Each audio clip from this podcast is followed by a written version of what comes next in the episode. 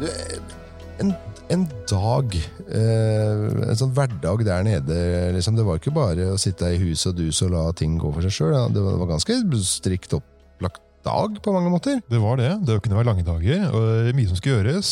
Faste gjøremål. Um, og det artige er at Peter beskriver jo i eh, det brevet hjem til fetteren Peder eh, da um, hvordan det da kunne være da, i, i kolonien. Da kan jeg kanskje lese litt bitte det. utdrag fra det her. Eh, De daglige gjøremål. Ja. Nå skriver Peter i øvrig lever jeg så ordentlig som mulig for å unngå den skadelige innflytelse av et for oss europeere sånn unaturlig klima. Jeg står opp om morgenen klokken fem øh, og et halvt, altså halv seks, da luften er kjølig og behagelig til klokken syv. Jeg gjør en tur til henved syv. Klokken halv åtte trer paraden opp foran guvernementet i huset. Parolen med de daglige ordre i garnisonen utstedes, og mens jeg frokosterer Han spiste frokost. Hans frokosterer. Er flott ord. Ja, flott, da. Åh, Jeg har begynt å bruke det, jeg nå. Ikke sant? Ja, ja, jeg skal ut og frokostere. Ja. Unnskyld, unnskyld. Det er herlig.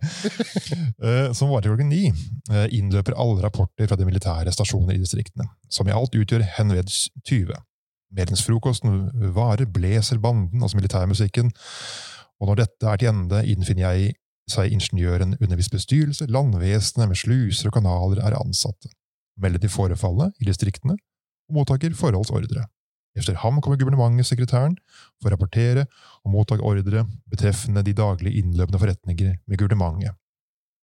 Den øvrige tid av formiddagen, til klokken tolv, oppfordres til at anhøre de sortes andragene, altså indere, lokalbefolkningen. Jeg spiser klokken ett, eh, og har fem av seks personer til bords, som varer til klokken to. Den alminnelige, indianske, altså indiske, bruk om å tage hvile til klokken fire. Denne tid som er den artigste, hender jeg for det meste til min private arbeide. Det jeg ennå ikke er rett kan finne meg i at sove efter maten, som i Indien er bruk. Klokken fem drikker jeg min te, gjør en tur enten til hest eller vogns utenfor byen. Altså ikke bærestol. Nei. Nei. Eh, Klokken syv er jeg igjen tilbake og mottar enten visitter eller folk som kan have et eller annet at forestille inntil klokken åtte, der vaktskuddet lyder fra kastellet og banden bleser på Kastellbastionen like overfor guvernementets hus klokken halv ni. Ni spiser til aftens, og klokken halv elleve eller elleve til sengs. Dette er nu min daglige levemåte, hvor jeg, hvorved jeg finner meg så vidt vel. Det er litt av en dag. Det er en dag, altså. Og, og, det, og det er interessant det der at uh, Kanskje særlig for oss som sitter her nå i 2020, da, men uh, mm. nei da, ja, da kommer paraden. Ja. Hadde, jeg, hadde det vært noen parade i min eh, hverdag, så hadde jeg huska det og fortalt en historie i mange år. tror jeg. Men da, da kommer det en parade. Og så det at han har uh, flere folk til bords der på et av måltidene. Fire-fem personer, da har vi fire-fem til bords. ikke sant? Og da tenker jeg, er dette her da litt sånn embetsmat, eller er det Ja, det, det er interessant det der, altså. Det er nok litt Altså, bedre kost. Ja. Altså, han, han levde jo også i India, uh, sier kildene litt uh, flott. Mhm. Han gjorde det. Han setter seg opp gjeld der også. Han gjør det! Ja da. Og det går jo etter slik at han ikke tjener jo så mye penger på eh, ting som han skal ønske, og, og har jo faktisk jobbet seg opp en god del gjeld igjen når han endelig skal reise tilbake. Så her går det ikke helt rette veien økonomisk. Han, han har glemt litt med det pluss- og minus på arket. Ja. Eller som hans far, levde med et litt stort hus, var det ikke det? Jo, jo, stemmer. Ja. Men, men hva jeg skulle si eh, For det er mye selskapeligheter her. Det er det. Eh, han beskriver jo også noen steder eh, om disse her eh, merkedagene, da. Mhm. Eh, store greier. Mye folk til bords, da. Ja, masse. Kongens bursdag, ja. Eh, Slike ting. Ukentlig gjøremål. Altså, det er uh, selskapeligheter. Det er diplomatisk arbeid, da, på mange måter. Og så, og den her, Ja. den, den her ja, ja, men det er klart. Mhm. Og det her flyter vel kanskje litt i hverandre. Det gjør det. Ja. Eh, det er jo så noen snakker sammen, Ja. vil jeg tro. Noen snakker sammen, og dette var noe som eh, Peter kunne godt. da. Eh, Han eh, var en diplomat. Nettopp.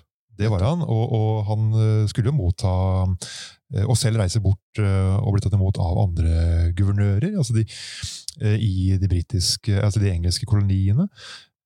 De franske fortsatt, så vidt. Um, det der er litt interessant, for nå er vi jo, mens han der nede, så er vi jo i napoleonskrigene, blant annet. Ja, vi har jo det. Etter hvert. Ja. Ja, ja etter hvert. Men allikevel, jeg, jeg tenker eh, på det vi kan eh, Du har jo franske guvernør, du har engelsk guvernør, du har Danmark-Norge med den diplomatiske Peter Anker. Stemmer.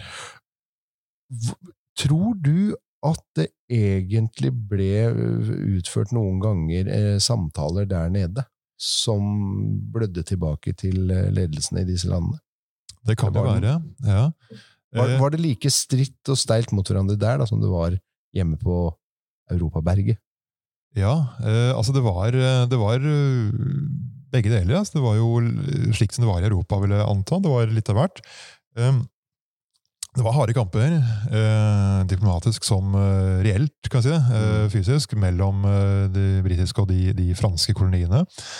Eh, og imellom her så var jo Danmark, og, og, Peter han helte jo mot eh, England, eh, sympatisør. Men i, eh, i Trankebar så var det jo da mm, eh, sympatisører for eh, den franske revolusjonen. Det var jo til, tilstander til opprørtøyer, altså noen som skulle ønske at man- franskmenn i kolonien skulle jo gjerne da eksportere revolusjonen til Trankebar også. Uh, og de uh, fransk-engelske revolusjonskrigene, da, uh, etter hvert napoleonskrigene i Europa, de spilte jo over til, um, til, også til eh, India.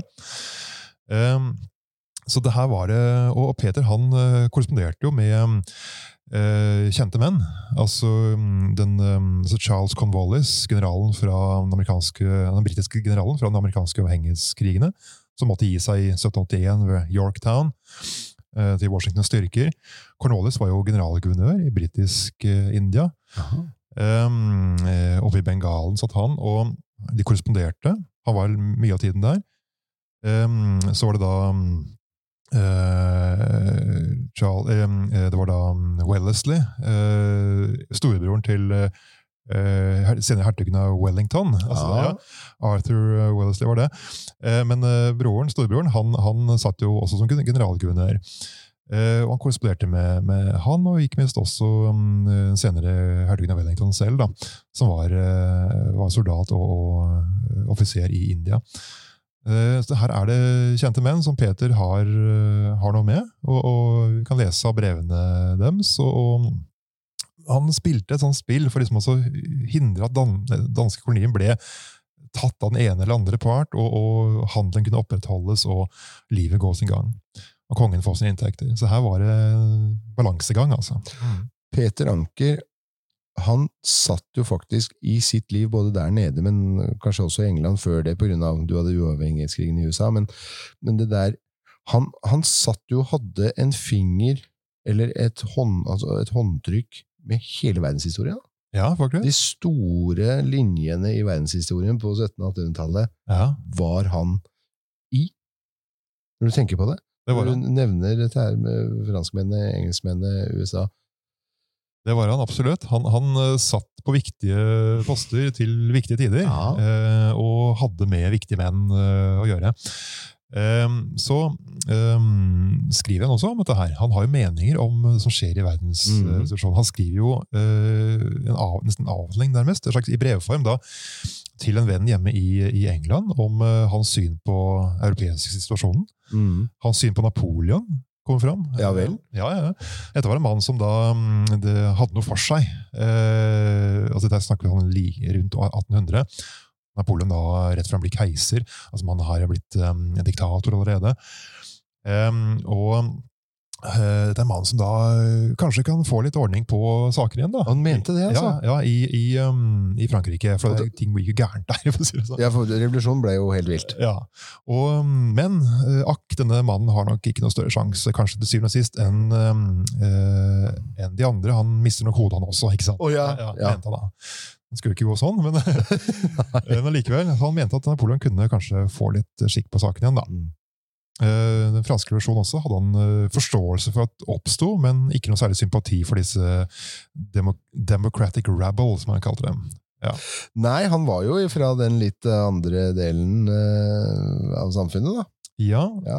han var jo samtidig også ikke direkte tilhenger av enevelde, slik jeg tolker ham. Han tenkte kanskje på et mer engelsk system. Mm. Parliament, ikke sant? Det var en slags eh, eh, med måtehold, da. Mm. Ikke det som da hadde skjedd i Frankrike. Han var veldig sympatisk for et engelsk eh, system, kan vi si. Men, men hvordan var det for han eh, Nettopp det her at han, han var jo engelskmann, som du sier, og veldig for å pro det. Eh, det måtte jo være vanskelig for han når plutselig Danmark, Norge, kommer i opposisjon til, eh, til England. Og på slutten der. Ja, det må jo ha vært litt uh, spesielt og vanskelig for ham, da.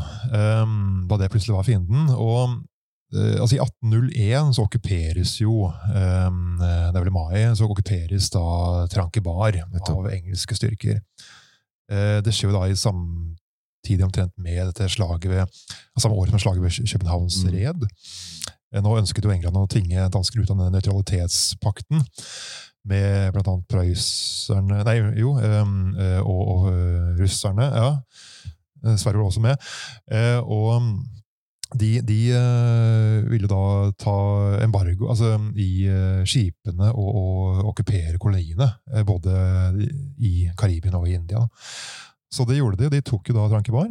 Den ble i britisk eie til året etter, 1802. Men det her var ganske milde forhold. altså Okkupasjonen var ganske mild. Og Peter han, altså han ga seg med en gang. Han skjønte at det her går ikke. Han forhandlet. han brukte det sine... Var det diplomaten igjen, det? Ja, ikke sant, der kom han inn. Og det er kanskje mye hans um, skyld at det gikk uh, greit. altså.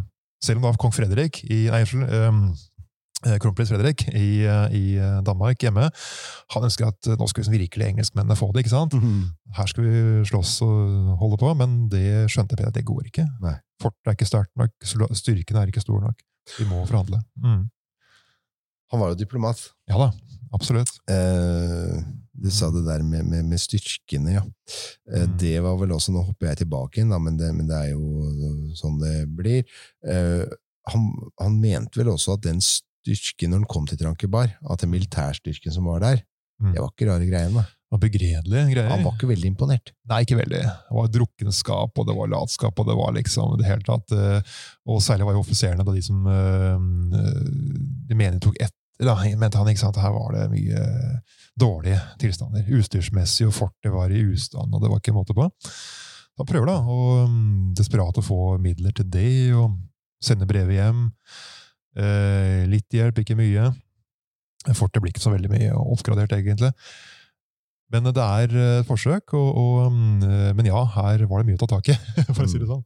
Men, men mm. fikk han orden på det? Altså, De 18 årene han var der, ble det, altså, var, forlot han et bedre trankebar enn han kom til? Eh, tja Eller var det status quo? I en viss grad var det status kom at det var litt bedre, kanskje. Sånn Rent ja. sånn um, administrativt vil jeg si at det var uh, blitt bedre. Han fikk jo uh, skjært ned på en del uh, overflødige stillinger og, og fått litt mer orden. Og fikk hivd ut en del av disse som, som kanskje var trøblete da, av embetsmenn og, og, slike ting. og satt kanskje liksom ting på plass. da. Inderne fikk en veldig godt forhold til, sies det. Ja. De likte ham, selv om han var en mann med harde metoder også. Han fikk jo blant annet noen indre eh, pisket offentlig, slått med stokker på plassen der. Eh, men allikevel, han, han ble anerkjent som en som da tok tak og var vennlig innstilt overfor inderne. Var det fordi han var forutsigbar, tror du? Kanskje. Integritet og sånn? Ja. Og så tenkte jeg at inderne de ønsket at denne lille kongen, altså da kolonien, eh, skulle liksom da vise, vise makt, altså ta ansvar, ikke sant? Og, og steppe inn og løse konflikter og slike ting. Noe danskene selv ikke ønsket å gjøre så mye. da. Nei, skjønner. Tusen takk, Jon Emil. Bare hyggelig.